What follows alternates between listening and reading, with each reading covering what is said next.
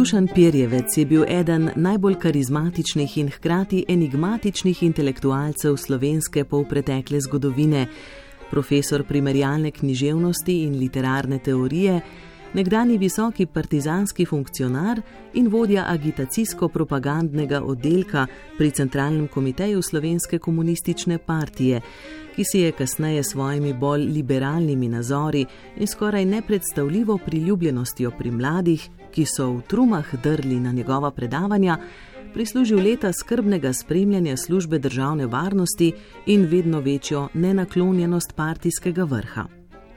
Življenjsko zgodbo tega resnično markantnega človeka, ki je v slovenski prostor unesel vrsto modernih filozofskih in literarnih idej ter skozi svoje analize književnosti premišljeval ne le značilnosti določenih literarnih slogov in obdobij, ampak predvsem temeljni položaj modernega človeka v svetu, so nam za tokratne sledi časa pomagali predstaviti.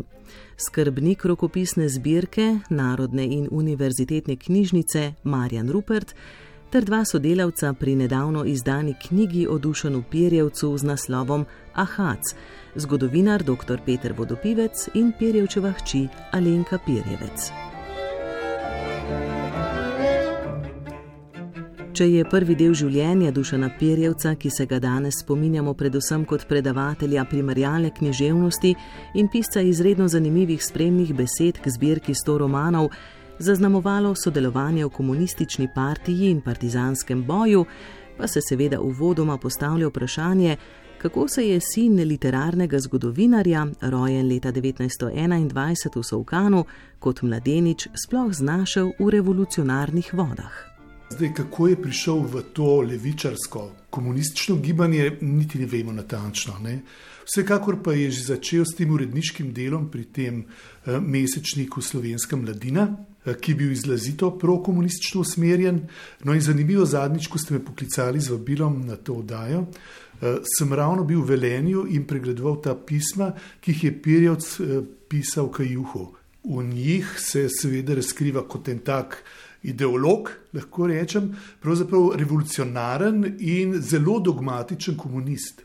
Pravi, da v skladu z načeli leninizma najbrž takrat vodi pač ta pot v novo družbo preko revolucije. Ne? Se pravi, da je bil pripadnik res te ostre struje, kako močno je bil Dušan Pirjevec v svoji mladosti predan ideji revolucije in kako je komunistična partija vplivala celo na njegovo izbiro študija, pripoveduje tudi Alenka Pirjevec. Mislim, da je pri 18 letih ali pa pred dve, skratka, zelo mlad je bil sprejet v partijo, ker je že prej kot mladinc bil zelo aktiven socialno ne, in potem je v bistvu moral obogati partijo ker je on je hotel študirati slikarstvo, ker je imel talent, jaz vem, so tudi te neskice, ki je risal, pa vse sorte takrat, ampak pa mu partija tega ni dovolila in je rekla, da uh, takrat, ko bomo prišli na oblast, bomo rabili kader, ki bo konkretne zadeve ne? in zato je potem pač poslali so ga v Zagreb, zato da je bil v kontaktu z zagrebskimi študenti uh, in je študiral agronomijo. Ne? Skratka, ampak to je bilo vse, vse je bilo po nalogu partije.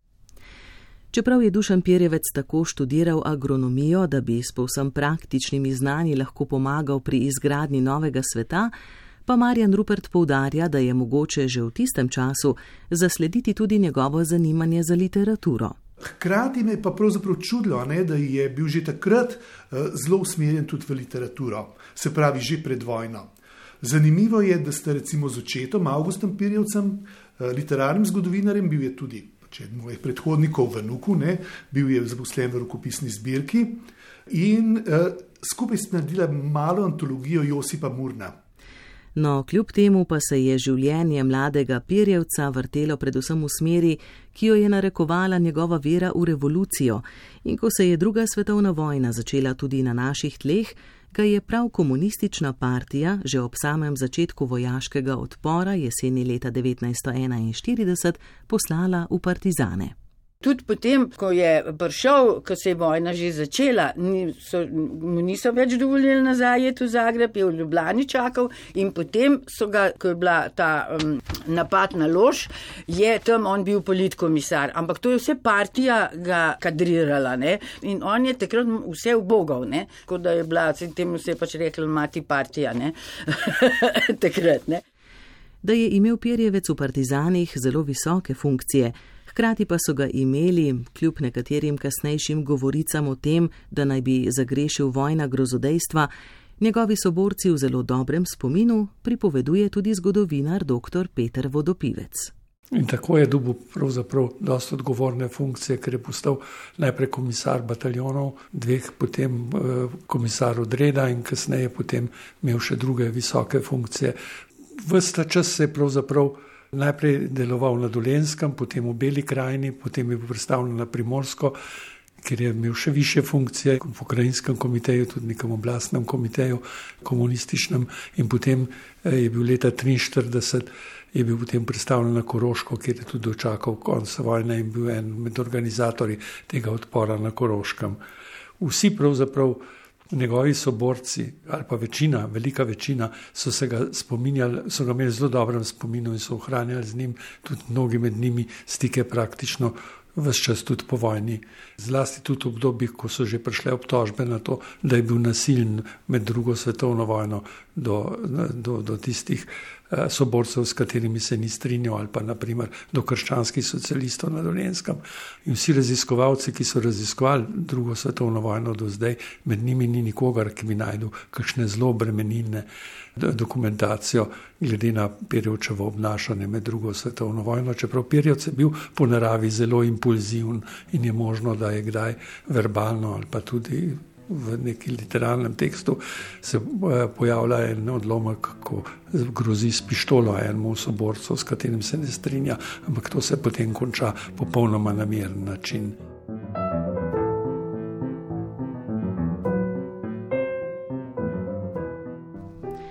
In kje se je Dušan Pirjevec, že pred vojno zagnan komunist in na to zanesljiv vojaški in ideološki kader, znašel po koncu bojev v na novo vzpostavljeni socialistični Jugoslaviji, pripoveduje Marjan Rupert.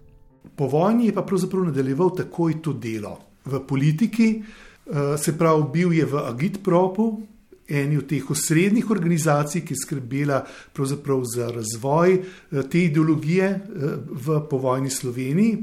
In uh, zanimiva so nekatera pričevanja, spomnim se prav uh, ta razkrmavna, ki pravi, kako sta z enim prijateljem prišla do njega, ker sta slišala, da pozna tudi veliko francoske literature, no in sta bila frapirana nad njegovo osebnostjo. Namreč Bajaj je sedel tam v svoji pisarni, uh, Pirjevec, tako v škornik, seveda v usnjeni jakni, ti agit propovski, kot si ga predstavljamo, takega pravega partica takrat, ne, seduje z nogami na mizi in ima recitiral Verlena, Bodlera v originalu. In bila sta popolnoma fascinirana nad njim. Ne? In dejansko Pirjevec je bil ena fascinantna oseba, ne? ki je znal združiti to svojo človeško plat z bojevito in zelo uh, mogoče malce bil je človek izrazitih notranjih antagonizmov eh, in to je znal združevati tudi z svojim strokovnim delom, kasneje v literarni teoriji. Čeprav je Pirjevec po vojni torej še popolnoma zavezan komunistični partiji, pa leta 1948, v času, ko že pride do razkola Sovjetsko zvezo in ima Jugoslavija močno zaostrene odnose s svojo nekdanjo ideološko zaveznico, zaradi pivske šale o tem, da so Sovjeti že v Beogradu in je Tito odstopil, pristane v zaporu. Po sporu s Sovjetsko zvezo, ko je v Jugoslaviji situacija zelo napeta, je on v eni taki pivski družbi z Vitomilom Zubom, Jožetom Javorškom in če se prav spominjam, je zraven tudi Perjevčeva žena Marjeta Perjevc in potem ko za šalo Lado Kozaku telefonirajo, Rusi so že v Beogradu in Lado Kozak je bil tudi zelo impulziven, je tako reagiral. In je potem brata Ferda klical, ker je bil pa na obisku Josip Vidmar, in vsi skupaj so takoj naredili en škandal, nečeš, da ni to neč res in da je to ena provokacija. Samo to pravzaprav ni bila posledica nikakršne koli premišljene politične nestrinjanja s partijo ali pa s komunističnimi voditelji. To je bila ena pivska šala. Da je bila to le mladostniška eskapada, ki je ne moremo videti kot noben zametek Pirjevčeve kasnejše kritičnosti do režima, poudarja tudi Alenka Pirjevec.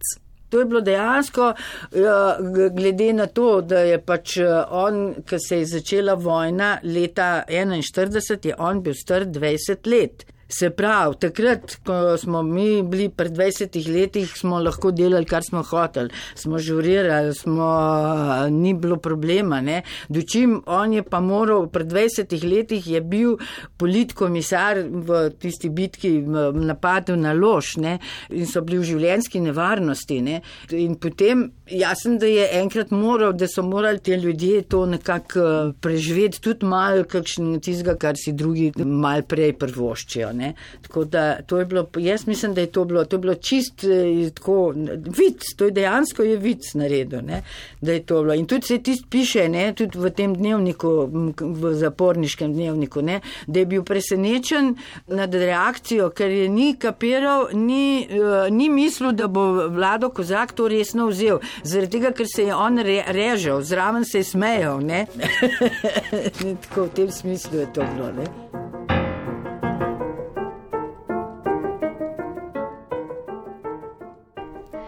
Če se je ta šala za Pirjevčevega pivskega kompanjona Vitomila Zupana končala nekoliko slabše in so ga v zaporu zadržali kar sedem let, pa je Pirjevec ven prišel že po nekaj mesecih ter se takoj vrnil k študiju primerjalne književnosti, ki ga je začel leta 1948, tik pred odhodom v zapor.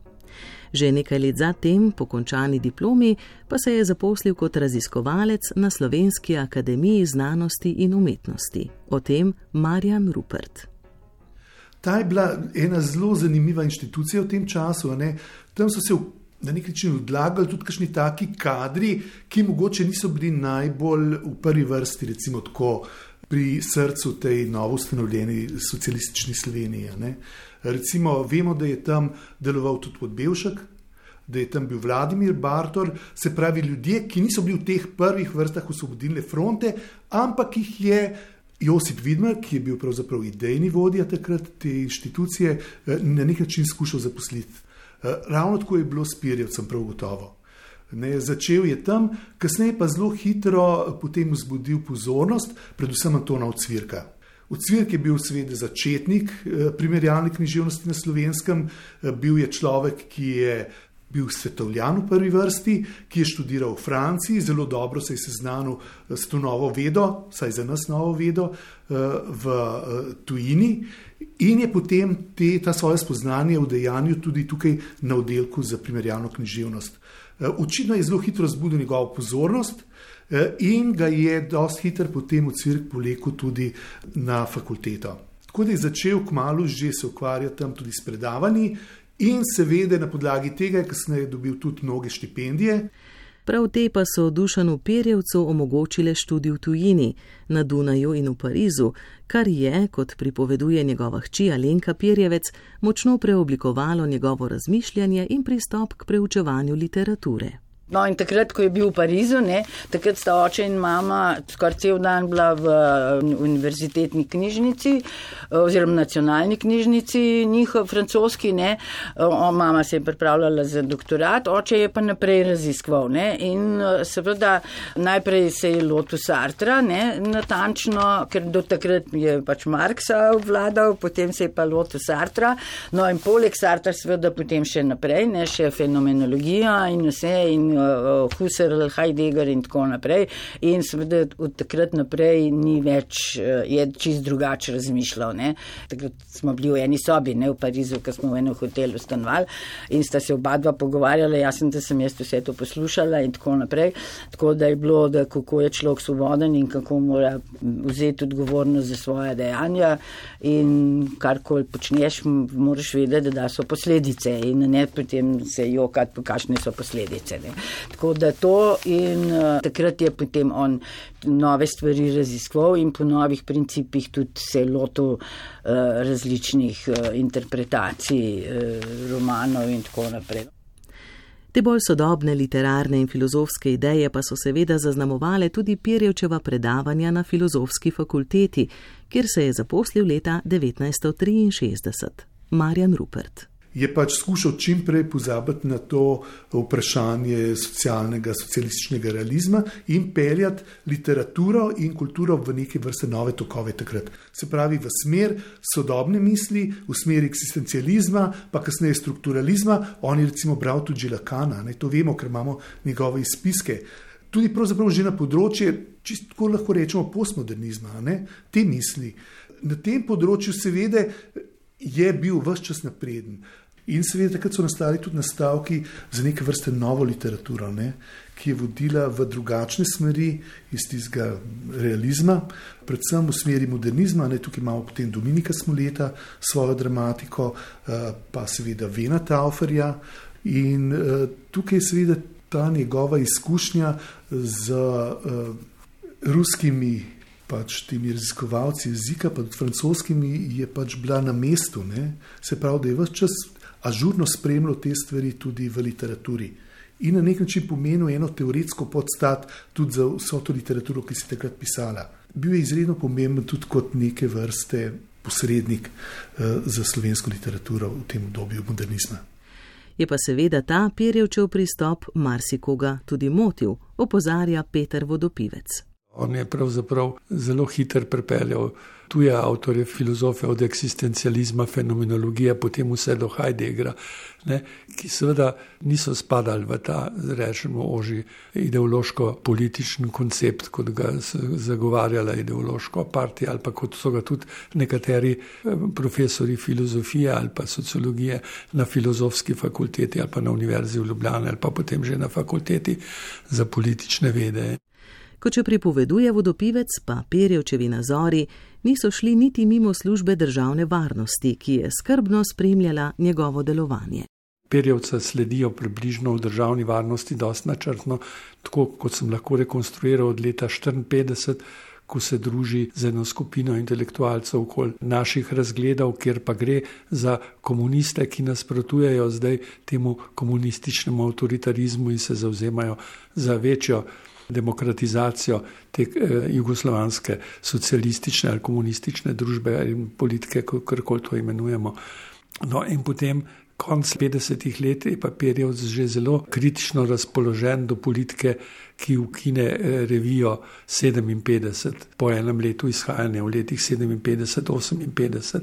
Eh, in tam okoli te revije 57 se že zberejo moderne misleči, ne, s temi modernimi evropskimi estetskimi in literarnimi takovi povezani intelektualci, ki pa ravno tako niso nasprotniki socialističnega režima, ampak se zauzemajo za tisto, kar deklarativno ne bi se v Jugoslaviji dogajalo od eh, prekinitve s Sovjetsko zvezo oziroma naprej od leta 1948. To se pravzaprav zauzemajo se za en proces demokratizacije, intenzivnejši kot je bil in pa seveda tudi za en večji kulturniški pluralizem, ne, kar se tiče raznih estetskih tokov, umetnostnih tokov in tako naprej.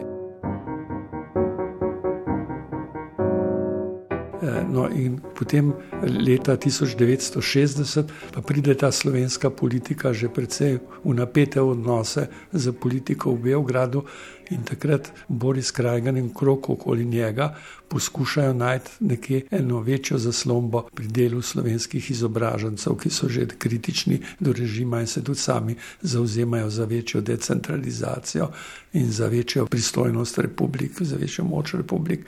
In takrat potem ustanovijo perspektive kot eno tako revijo kulturniško, kjer se zberejo že spet ti bivši uredniki in sodelavci revije in 57 in nekateri njihovi somišljeniki no, ampak te grejo pa tem, potem še naprej. Tudi ne pri socializmu, ne pri režimu, čist direktno, ampak za hitrejši proces demokratizacije in tega odpiranja Slovenije in Jugoslavije proti Zahodu. No, in takrat pa period potem že pride v konflikt tudi z temi partijskimi voditelji, svojimi nekdanjimi soborci da je prav ukinitev revije Perspektive pomenila prelomno točko v odnosu med Dušanom Pirjevcem in takratnimi oblastmi ter pripeljala celo do Pirjevčevega izstopa iz partije, razlaga tudi Alenka Pirjevec. Res pa je, da je potem, ko je bilo ta, te perspektive, takrat je bil pa moj oče sovrednik skupaj z Dragotom Šega v sodobnosti. Sodobnost se je solidarizirala z perspektivami. In takrat je seveda oblast zelo, zelo uh, nastopila, tudi tako, da so jima in šegi in mojemu očetu uredništvo sodobnosti vzeli, ne, je oblast vzela. In tam je pa prišlo do definitivnega razkola. Ne. Takrat so tudi pripravljali ga, eh, da ga bojo iz partije vrgli, on jih je prehitev, ker je bil sestank na univerzi, na fakulteti filozofski in je vrnil knjižco. Ne. Toda zakaj se je takratnim oblastem sploh zdelo tako pomembno ukinjati literarne revije in odblizu slediti ljudem, kot je bil Dušan Pirjevec, ki so se v sami osnovi vendarle ukvarjali predvsem z literaturo in ne s politiko? Kot pojasnjuje Peter Vodopivec, je bila to po eni strani posledica dejstva, da so ta prizadevanja, ta težnja po idejnem pluralizmu, po tem odpiranju, ne, po, po izogibanju zdaj ali pa po oddaljevanju od nekih trdih eh, komunistično, domnevno marksističnih, ampak rečemo še vedno bolševiških. Eh, predstav, da je ta pritisk v tej smeri oddaljevanja od tega prihajal predvsem skozi literaturo, skozi seveda publicistiko in skozi umetnost. Ne. In potem seveda so začeli nastajati tudi te povezave med somišljeniki ne, in kar hitro tudi perspektivam, naprimer so komunisti učitelji, oziroma ti komunistični voditelji, ki so jih pol ukinili, učitelji, da se poskušajo oblikovati kot opozicijska stranka. In v tem smislu so pravzaprav skozi videli tudi v, v teh zagovornikih nekih modernih, rečemo, miselnih ali pa umetniških ali pa kulturnih tokov, tudi neke politične nasprotnike, zelo hitro. In jaz mislim, da tukaj so bili konflikti, so bili res pravzaprav predvsem na tem nivoju, ideološkem in političnem, in ta strah pred preveliko popularnostjo zdaj teh perjevčevih nazorov, perjevčevih predstav. Od leta 1963 Perjevc predava na filozofski fakulteti in takoj, ko začne predavati, dobi okoli sebe cel krok mladih ljudi, ki so zelo navezani na njega, se z njim povezujejo, se z njim razpravljajo. To je cela vrsta mladih intelektualcev in umetnikov, ki pa tudi stopijo zelo aktivno v slovensko kulturno življenje in se uveljavljajo v publicistiki, in ki so ravno tako kritični do tega komunističnega avtoritarizma. In eh, takrat vidijo pravzaprav v njem, da začnejo videti enega tazga nasprotnika. Da je imel Perjevec dejansko ogromen vpliv predvsem na mlajše generacije, poudarja tudi Marjan Rupert. Pirjevc je bil izredno karizmatična oseba, ne? tudi zunanjo pojavo, tudi seveda z to svojo neverjetno energijo, je izjemno privlačil ljudi. Ne, še danes obstajajo pričevanja, kako so eh, hodili ljudje poslušati njegova predavanja, pa ne samo iz filozofske fakultete, ampak mnogo teri ljudje so takrat dejansko drli tja in ga poslušali, in on je bil res izjemno dobro pripravljen vedno na ta predavanja. Še danes hranimo te njegove majhne listke, ki jih je imel, eh, in iz njih potem mm, seveda izvajo svoja, te svoje analize in te sinteze eh, literarne teorije in je znal navdušiti ljudi. Zakaj? Večkrat sem se spraševal. Predvsem zato, seveda, ker njegova misel ni bila misel enega kabinetnega človeka. Ne? Vse te stvari, o katerih je govoril, se pravi vprašanje o Bogu, vprašanje o krivdi, vprašanje o biti, o bivanju, eh, o akciji, ne, o kateri zelo pogosto razmišlja, je izvajal na podlagi svojih izkušenj ki so bile pa, seveda, iz tega partizanstva izredno intenzivne, jasno. Oni te stvari doživljajo na lastni koži. Eh, in tudi vse te dileme, kasneje. Ne? On je bil res človek, ki se je izrazito razvijal, človek, ki je izrazito bral, izrazito potem adaptiral te stvari v svoje mišljenje in skušal pojasniti eh, ne samo literarno teorijo ali pa določene romane, ampak dejansko svoj položaj tudi v svetu, ne? položaj človeka v svetu, položaj biti pravzaprav. To je del tega človeka tako fascinantnega. Tudi ta pričevanja so, da je kasneje, tudi po uh, predavanjih, je pogosto šel študenti, tudi kaj spit. In v teh živahnih debatah uh, so ga seveda vsi poslušali z odprtimi očmi in ušesi. Se pravi, bil je neke vrste pripadnik te generacije. Kako so izgledala Pirjevčeva predavanja, se spominja tudi njegova hči Alenka Pirjevec. Tukaj je pa res bil, ne? to je pa bilo res neverjetno, so to bila njegova predavanja, ker on je prvič ni sedel za mizo, je hodil tako pa tako, stal, je akcentiral, ni bral ništa, to je vse res razlagal in z eno res prezenco, tako da mislim, da tisto predavanje, to so en, dva, tri so minila, ne, tako da ti je bilo žal, da že konc, ne, ker bi še poslušal, ne, tako da res in moram priznati, da potem, ker sem pač tudi jaz študirala, ne, da tako dobrega profesorja nisem ga ni, ne, kot je bil, ampak ne zato, ker je bil moj oče, ker je res bil, ne, in zato ni, res ni čuden, da je cela Ljubljana hodila, ne, to je bilo polhn. So se razvedeli in so potem hodili, ker je bilo res, ker so bila ta predavanja res izjemno zanimiva in tudi način, kako, ker je on ni dajal definicij, ampak je odpiral probleme. Ne? Kam to pelje, ne? tle je bilo to, ker večinoma profesori rečejo, to je tako, pa tako, pa tako. Ne, ne ni nujno, ne? lahko je še drugačne. Podobno Peter Vodopivec. To je bil predavatelj, ki seveda ni podajal osnovi kot to je tisto, kar si morate zapomniti, ampak to je tisto, o čemer morate razmisliti. In je doskrat tudi to naredil, kar je bilo za marsikaterega študenta tudi zelo naporno, da je eno uro v nečem predaval, naprimer o eni določeni filozofski tezi ali pa določeni teoretski interpretaciji, pa je pa rekel, drugič bomo pa pokazali, zakaj to nič ne drži. Ne? In je poskušal zoprstaviti dve teze in v drugi argumente zopr prvo in v prvi seveda tudi pokazati na šibkosti druge. In to je bilo nekaj, kar se je meni zdelo in očitno tudi mnogim mladim ljudem nekaj imenitnega, ne? nekaj popolnoma drugače kot drugače je na, na filozofski fakulteti ali pa na, na univerzi bilo.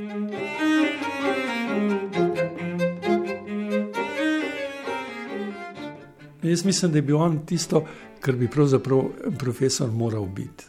Jaz tudi, kasneje, ko sem sam predaval, sem si želel, da bi imel nekaj te sproščenosti.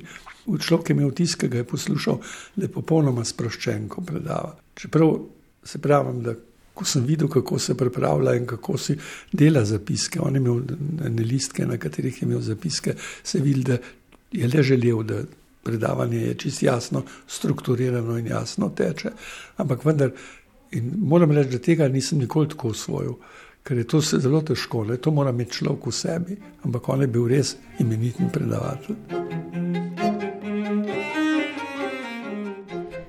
Če je Dušan Pirjevec tako v 60-ih letih, kljub nekaterim nestrinjanjem s partijskim vodstvom, vendarle dokaj svobodno deloval na filozofski fakulteti, pa so v začetku 70-ih let, ko se je splošno ozračje v državi vedno bolj zaostrovalo, nastopili tudi vse močnejši pritiski naj zapusti predavateljsko mesto, razlaga Peter Vodopivec. In takrat, pravzaprav od leta 72 naprej, potem se vršijo tudi pritiski na Pirjevca, da ne zapusti fakulteto. In ti pritiski prihajajo delno, seveda, iz vrha Zveze komunistov in tako naprej, na drugi strani pa tudi na sami fakulteti, glede na to, da je en tak večni upornik in kritik, ima svoje nasprotnike in potem ga poskušajo stran z fakultete oziroma poskušajo ga predstaviti na inštitut za sociologijo. In nekaj časa tudi sam razmišlja o tem, da bi šel, ampak potem dejansko ostane. In leta 1977 pa tudi že umre. Takrat je bil star samo 57 let, je bil še poln energije, ampak potem ga je izdalo srce. To življenje je izredno hitro se je steklo in je bilo izjemno dinamično. Ne. Kot pripoveduje Alenka Pirjevec, pa vsi ti pritiski strani oblasti Pirjevca v zadnjem obdobju življenja niso pustili hladnega, sploh potem, ko začnejo nekateri njegovi nekdani soborci, verjetno po nareku partije, širiti tudi vedno bolj neverjetne in osebne diskreditacije Pirjevca, čež da naj bi bil kriv nekaterih vojnih grozodejstev in celo samomorov mladih študentov, za kar seveda ni mogoče najti nobene podlage to ga je zelo prizadel, ne? to je, to je težko prenašal, sigurno, da, da kaj se mu dogaja, da ne more, ne? Da, da, je, da vedno pride do ene barijere, ne? da vedno pride do ene barijere ne? in ni mu bilo lahko, ne? tako da zdaj ne bom rekla, da je zaradi tega tako malo umrl, ker je pač srce je srce, ne, tako da to je. Ampak mislim, da mu ni bilo lahko, ne, in je bil, moram priznati, da je pa tudi, ni več bil, ker on je bil tudi duhovit, ne, kot mlajši, ne, tako da ni pa več bil tega, ne, ni, ker si ga srečal, si videl, da je bil to en resen, blazno resen človek, ne, tako da jaz recimo, ker sem zdaj že krepko starejša, kot je bil on, ne, pa se recimo na nasmejem, pa pridem vesela, pa vse to ne tako naprej. Dočim eh, ni, on več ni, ni bil sposoben tega, ker je, mislim, se ni lahko ne bilo, ne. Ob tem pa je zanimivo, opozarja Marjan Rupert, da vse to rovarjenje strani nekdanjih soborcev in vsa njegova kritičnost do povojnega razvoja komunistične oblasti, Pirjevca, podobno kot Kocbeka, nista odvrnila od same partizanske izkušnje. Kozvek, tudi čeprav vemo, da ga je ta oblast eh, popolnoma anatemizirala, tako na literarnem kot na drugem področju, političnem, ne, je vse čas ostal eh, pripadnik te tako imenovane tovarišije, se pravi tega partizanstva. In mislim, prepričan sem, da je bilo eh, s Pirjevcem ravno tako. Ne? Vemo, da na njegovem pogrebu se je pojavil potem tudi eh, Vitomil Zupan, ne? njegov zelo dober prijatelj, kompanjon tudi, ta pivski in tako naprej, eh, v partizanski uniformi ne? in mu držal častno stražo ob krsti. Eh, to nam veliko pove o tem. Pirjevc nikakor ni zapustil tega svojega prepričanja, te svoje človeške akcije se je pa z njo nedvomno celotno življenje ukvarjal, morda tudi v tem le 50 let starem posnetku iz našega radijskega arhiva, kjer je za oddajo od premjere do premjere takole komentiral dramo Vitomila Zupana z naslovom Aleksandr praznih rok.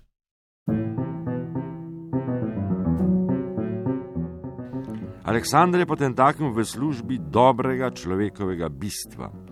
Njegovi nameni in cilji so kar se da plemeniti, mi pravimo ponavadi humanistični. Zato ni jasno, zakaj je zašel v tako neizprostno stisko, da je moral vse skupaj popustiti. In še manj je jasno, zakaj ga je med izvrševanjem njegovega plemenitega in humanističnega poslanstva vse skozi obhajala želja, da bi vse popustil in se vsem odpovedal, kakor Diogenes in tako postal izdajalec človeštva. Kje je torej napaka? Jasno je, da napaka ne more biti v ciljih in namenih, ki so vse skozi plemeniti in humanistični. Zato je lahko le nekje zunaj njih in je v tem, kakor pravi sam Aleksandr, da je vodilo sleherne preobrazbe in torej tudi povratka v zlato dobo samo in le nasilje. Napaka je v tem, da človeški rod zaničuje ljubezen, posluša in spoštuje pa nasilje. In napaka je v tem, da je napredek možen samo, kadar napredujejo strnjene vrste osvajalskih armat.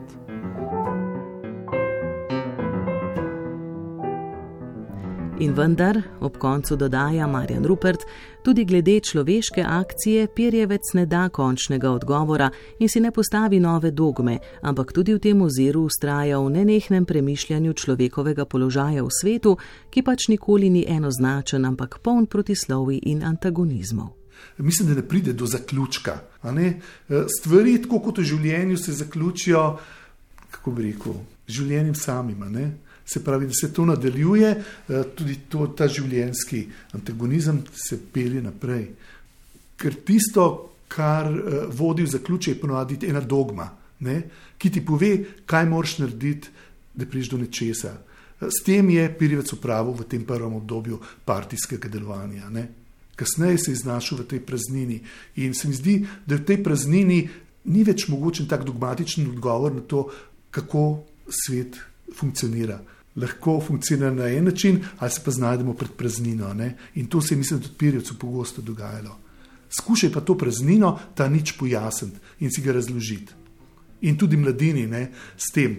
To verjetno jih je tako fasciniralo. Veste, kad, ljudje smo zelo nagnjeni k temu, da iščemo ene take logične rešitve, a ne pa rečemo, da je to ena teorija, ki vodi k temu in se konča tako in tako.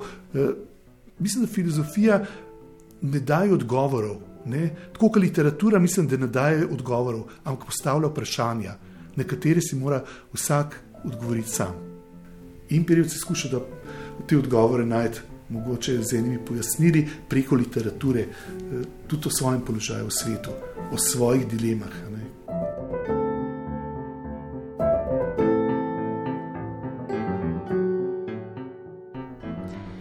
Tem smo prišli do konca tokratnih sledi časa. O Dušanu Pirjevcu smo govorili z njegovo hčerko Alenko Pirjevec, zgodovinarjem dr. Petrom Vodopivcem in skrbnikom rokopisne zbirke Nuk Marjanom Rupertom. Glasbo je izbral Rudi Pančur, za zvok je skrbel Vjekoslav Mikes, vezno besedilo sem prebrala Mataja Perpar, odajo je pripravila Alja Zore.